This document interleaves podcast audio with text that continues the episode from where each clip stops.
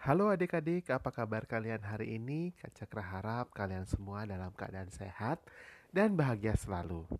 Tidak lupa Kak Cakra ucapkan selamat datang kembali di saluran pada suatu hari. Seminggu yang lalu Kak Cakra sempat bersembahyang ke Pulau Menjangan. Pulau Menjangan ini adalah sebuah pulau yang berada di Selat Bali, yaitu selat yang memisahkan antara Pulau Jawa dan Pulau Bali. Saat menyeberang di Selat Bali, Cakra teringat sebuah cerita mengenai asal-usul Selat Bali. Nah, cerita asal-usul Selat Bali ini akan Kak Cakra bagikan pada hari ini untuk kalian. Bagaimana ceritanya? Dengarkan sesaat lagi ya.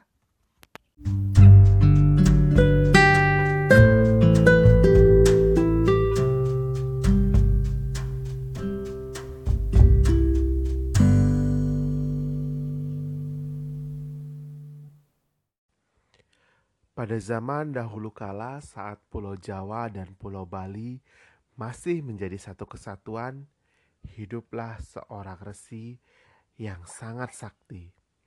Saking saktinya orang-orang memberinya gelar Dang Hyang Sidi Mantra.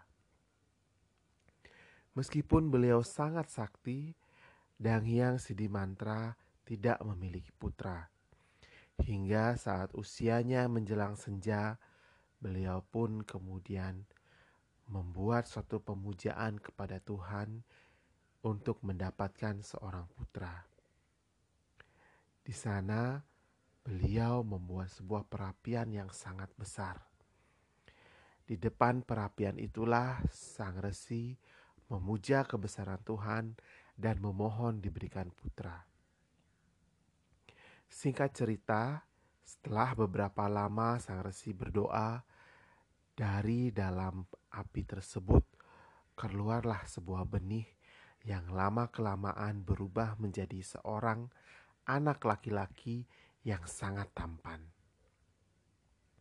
Sang resi kemudian mengambil anak itu dari dalam api dan menjadikannya sebagai putranya sendiri. Anak ini kemudian diberi nama Manik Angkeran. Sang resi bersama istrinya sangat menyayangi Manik Angkeran. Apa pun yang ia minta pasti diberikan tanpa menunggu lama. Hingga lama-kelamaan Manik Angkeran menjadi sesosok anak yang sangat manja. Saat ia menginjak remaja, Manik Angkeran sangat senang berjudi Di mana pun ada sabung ayam, maka manik angkeran ada di sana untuk bertaruh dan bersabung. Lama-kelamaan, semua harta benda sang resi yang ada di rumahnya habis terjual dipakai berjudi oleh si manik angkeran. Hingga pada suatu hari, sang resi sudah kehabisan semua barang berharga. Manik Angkeran datang dalam keadaan mabuk dan meminta uang kepada ayahnya untuk digunakan berjudi. Sang ayah tidak menggubrisnya.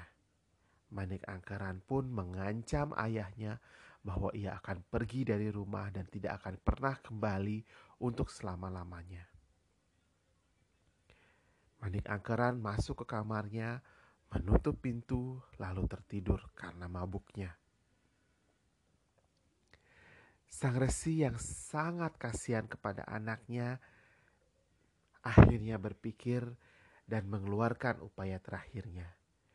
Diambilnya sebuah genta dari tempat pemujaan dan ia berjalan jauh ke arah timur sampai pada sebuah gunung yang tinggi di mana di bawah gunung itu terdapat sebuah gua yang sangat menyeramkan.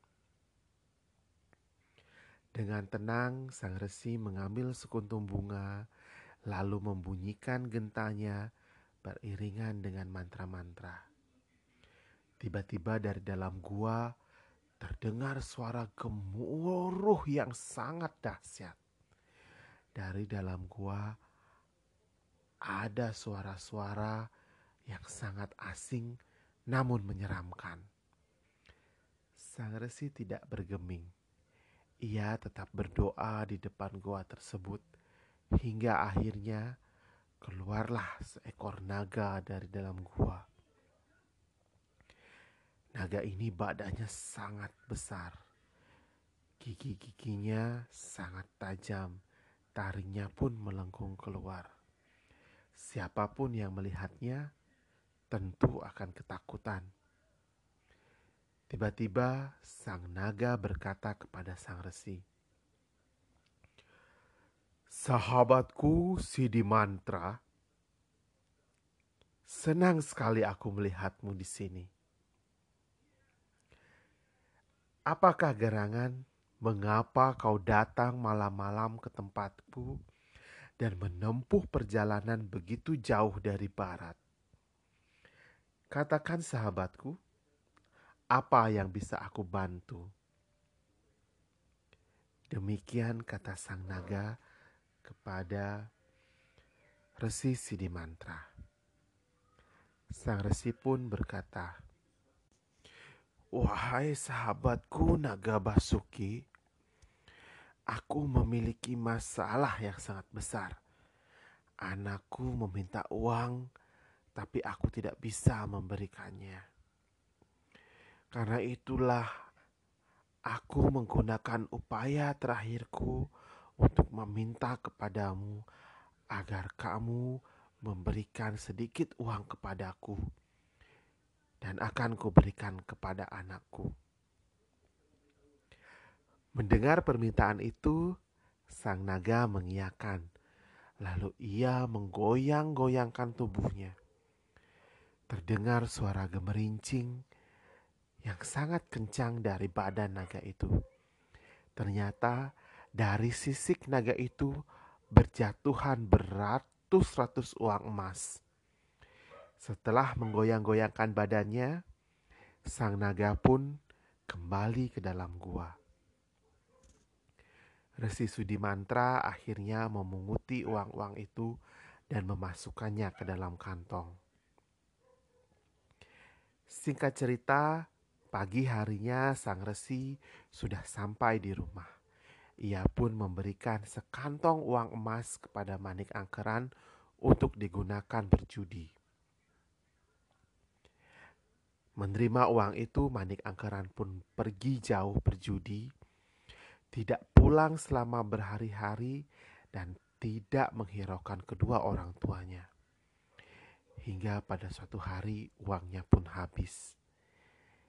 Ia kembali ke ayahnya melakukan hal yang sama, mengancam ayahnya bahwa ia tidak akan pernah pulang lagi. Akhirnya, sang resi kembali melakukan upayanya tersebut. Namun, kali ini sang resi tidak tahu bahwa ia diikuti oleh putranya. Manik Angkeran mengetahui di mana ayahnya meletakkan genta tersebut dan apa yang harus dilakukan dengan genta tersebut. Hingga pada suatu hari, Manik Angkeran masuk ke dalam tempat suci keluarga dan mengambil genta itu secara sembunyi-sembunyi. Ia berlari dengan sangat cepat menuju ke gunung tersebut di depan gunung, ia pun masuk ke arah gua. Ia tidak tahu mantra apa yang diucapkan oleh ayahnya, tapi ia yakin dengan membunyikan genta saja, sang naga akan keluar dan memberinya uang emas. Maka diambilnya sekuntum bunga, lalu digoyang-goyangkannya genta itu dengan sembarangan. Seperti yang ia pikirkan, sang naga akhirnya keluar dari persembunyiannya. Sang naga kemudian berkata, "Hai anak muda, siapakah kamu? Mengapa kamu memanggilku dengan menggunakan genta sahabatku? Di manakah ia? Mengapa kamu yang datang ke sini?" Manik Angkeran menjawab bahwa ayahnya sedang sakit dan ia memerlukan uang untuk mengobatinya. Sang naga tidak bertanya lebih lanjut. Ia menggoyang-goyangkan badannya hingga uang-uang emas berjatuhan dari sisiknya. Manik angkeran pun mengambil uang-uang emas itu. Saat sang naga berbalik ke dalam guanya, menyembullah ekor sang naga. Ternyata di ujung ekornya terdapat sebuah permata yang sangat besar. Permata itu berkilauan ditimpa sinar matahari. Manik angkeran kemudian memiliki pemikiran untuk mengambil permata yang ada di ekor naga. Dengan sigap ia mengeluarkan kerisnya dan memotong ekor sang naga. Ujung ekor beserta dengan permata yang besar itu segera dilarikannya.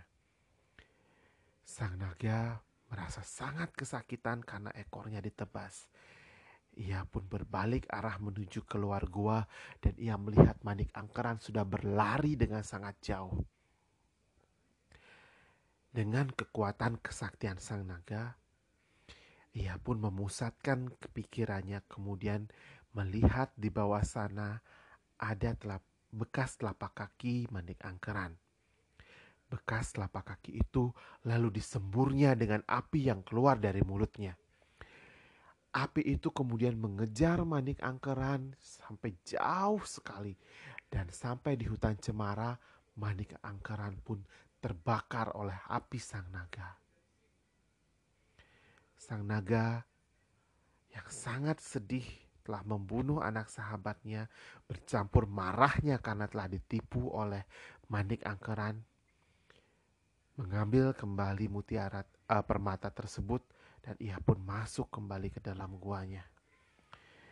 Dengan perasaan yang campur aduk, ia bertapa kembali dalam gua. Kita ceritakan sekarang sang Dangyang Sidimantra yang kebingungan mencari anaknya. Ia mendapatkan firasat bahwa anaknya pergi ke Gunung Agung dengan membawa genta yang dimilikinya. Maka dengan kesaktiannya, dalam sekejap mata ia sudah sampai di depan gua sang naga.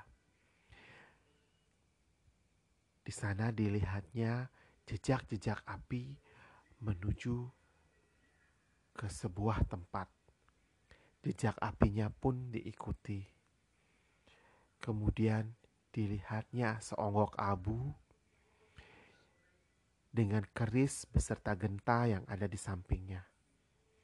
Tahulah ia bahwa anaknya Manik Angkeran telah dibunuh oleh naga Basuki.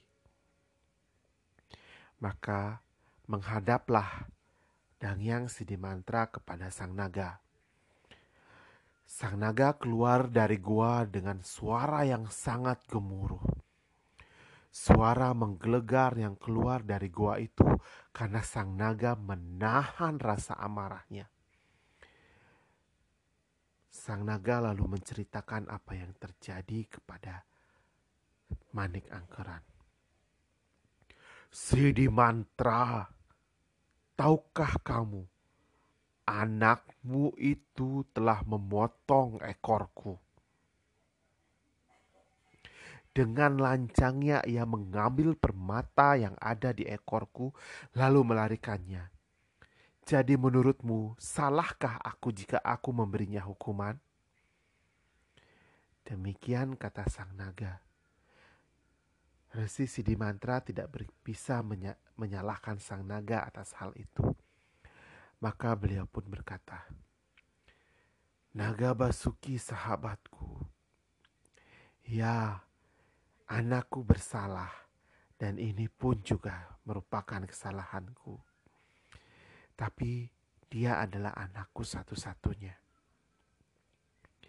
Bagaimana jika aku menyembuhkan ekormu dan menyambungnya kembali? Aku berharap dengan hal itu kamu akan mau menghidupkannya kembali. Demikian penawaran Resi Sidimantra kepada Sang Naga. Sang Naga pun setuju. Akhirnya dengan kekuatan mantranya, Resi Siddhimantra menyatukan kembali ekor naga itu. Beliau pun mengambil permata yang ada di ekor naga itu dan mengubahnya menjadi sebuah mahkota yang sangat indah. Mahkota itu diberikan kepada naga untuk dipakai di kepalanya. Sang naga sangat senang, lalu ia pun kemudian menghidupkan kembali manik angkeran. Setelah kejadian itu, Manik Angkeran merasa sangat bersalah. Ia pun sudah sadar atas segala kesalahan-kesalahannya. Ia hendak ikut kepada ayahnya pulang untuk bisa mengabdi kepada sang ayah. Namun, Resi Sidimantra memintanya untuk tinggal di di dalam gua itu bersama Naga Basuki. Sidi, Manik Angkeran diminta untuk belajar nilai-nilai agama kepada sang naga. Akhirnya, Bagawan Sidi Mantra kembali ke rumahnya. Setelah jauh melangkah, ia pun melihat ke arah gunung dan dia berkata kepada dirinya bahwa tugasnya menyerahkan manik angkeran kepada sang naga sudah selesai Manik Angkeran harus belajar ilmu-ilmu agama dan menjadi orang baik di bawah bimbingan sang naga. Ia tidak akan kembali ke Jawa. Karenanya, Pegawan Sidi Mantra menancapkan tongkatnya, kemudian berdoa mengucapkan mantra-mantra, sehingga terbelahlah pulau Jawa dialiri air laut yang kemudian kita kenal sebagai Segara Rupek. Segara Rupek artinya lautan yang sempit. Itulah yang kita kenal sekarang sebagai Selat Bali yang memisahkan Pulau Jawa dengan Pulau Bali. Sejak saat itulah Jawa dan Bali terpisah. Begawan Sidi Mantra jika ingin menjenguk anaknya di Gunung Agung, beliau akan menyeberangi pulau menyeberangi selat tersebut. Demikian juga dengan Manik Angkeran. Dia tidak bisa lagi ke Bali dengan mudah, melainkan harus menyeberangi lautan untuk bertemu dengan ayahnya. Demikian asal-usul Segara Rupak atau Selat Bali. Nah, adik-adik itu dia tadi cerita mengenai Segara Rupak atau Selat Bali. Semoga kalian senang mendengarkannya. Sekian dulu untuk hari ini cerita yang Kak Cakra berikan. Semoga saja cerita ini berguna bagi kalian. Oh ya, satu lagi, jika kalian ingin merequest dongeng yang harus Kak Cakra bawakan kepada kalian, jangan segan-segan untuk menghubungi Kak Cakra melalui podcast Encore ini. Kalian bisa meninggalkan pesan suara untuk meminta dongeng yang ingin kalian dengarkan. Baik, sekian dulu. Sampai jumpa pada dongeng-dongeng selanjutnya.